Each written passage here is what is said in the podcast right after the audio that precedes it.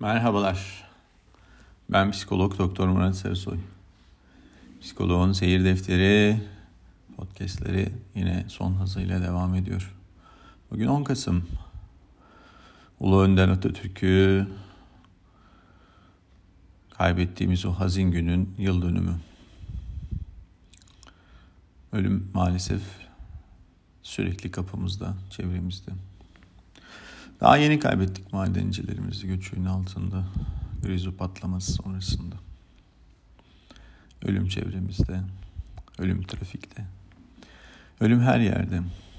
Bugün evet, bugün ölüm üzerine konuşmak istiyorum. Ölüm anksiyetesi üzerine. Yani ölümün tanımı topluma, yaşa, kültüre, dine, inançlara göre değişiklik gösterebiliyor.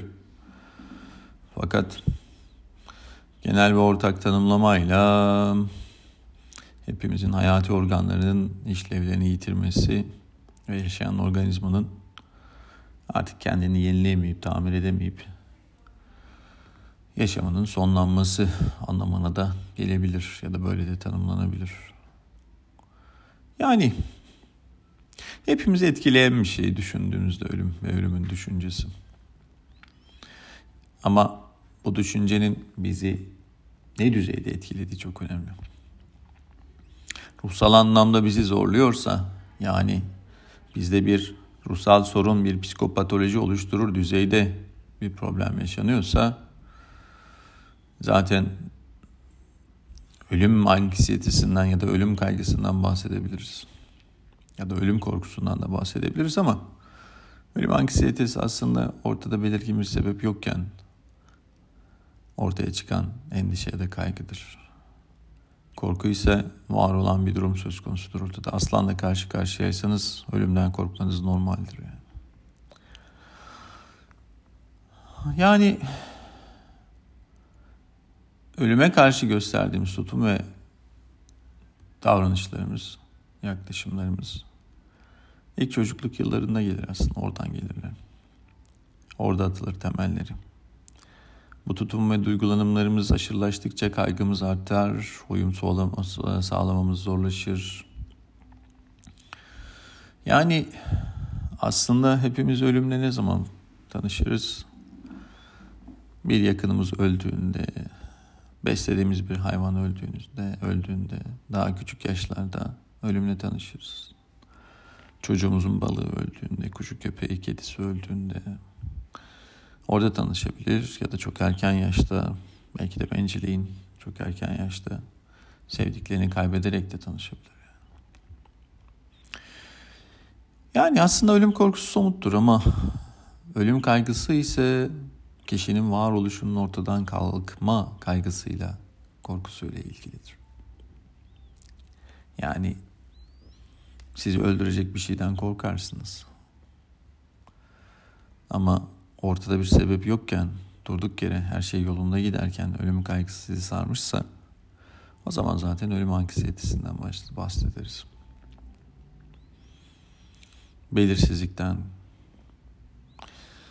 bedenini kaybetmekten, yok olmaktan, şu anki varoluşunu yitirmekten. En bencil tarafımız da şu anki varoluşumuza sonsuz bağımlılığımızdır. Sanki daha önceden varmışız gibi ya da sonsuza kadar var olacakmışız gibi bunu sahiplenmeye çalışmamızdır. Acı çekmekten korkarız mesela. Acı duymaktan ölesiye korkarız.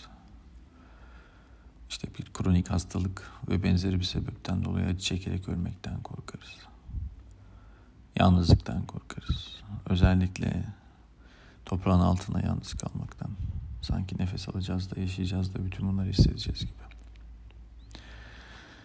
Yakınlarımızın bizim arkamızdan üzülmesinden korkarız. Özellikle de çocuklarımızın ne yapacağını düşünürüz. Ne olacak çocuklarımız? Çocuklarımızın başına ne gelecek? Bilseniz ne yapacaklar? Var olan kimliğimiz yok olacak.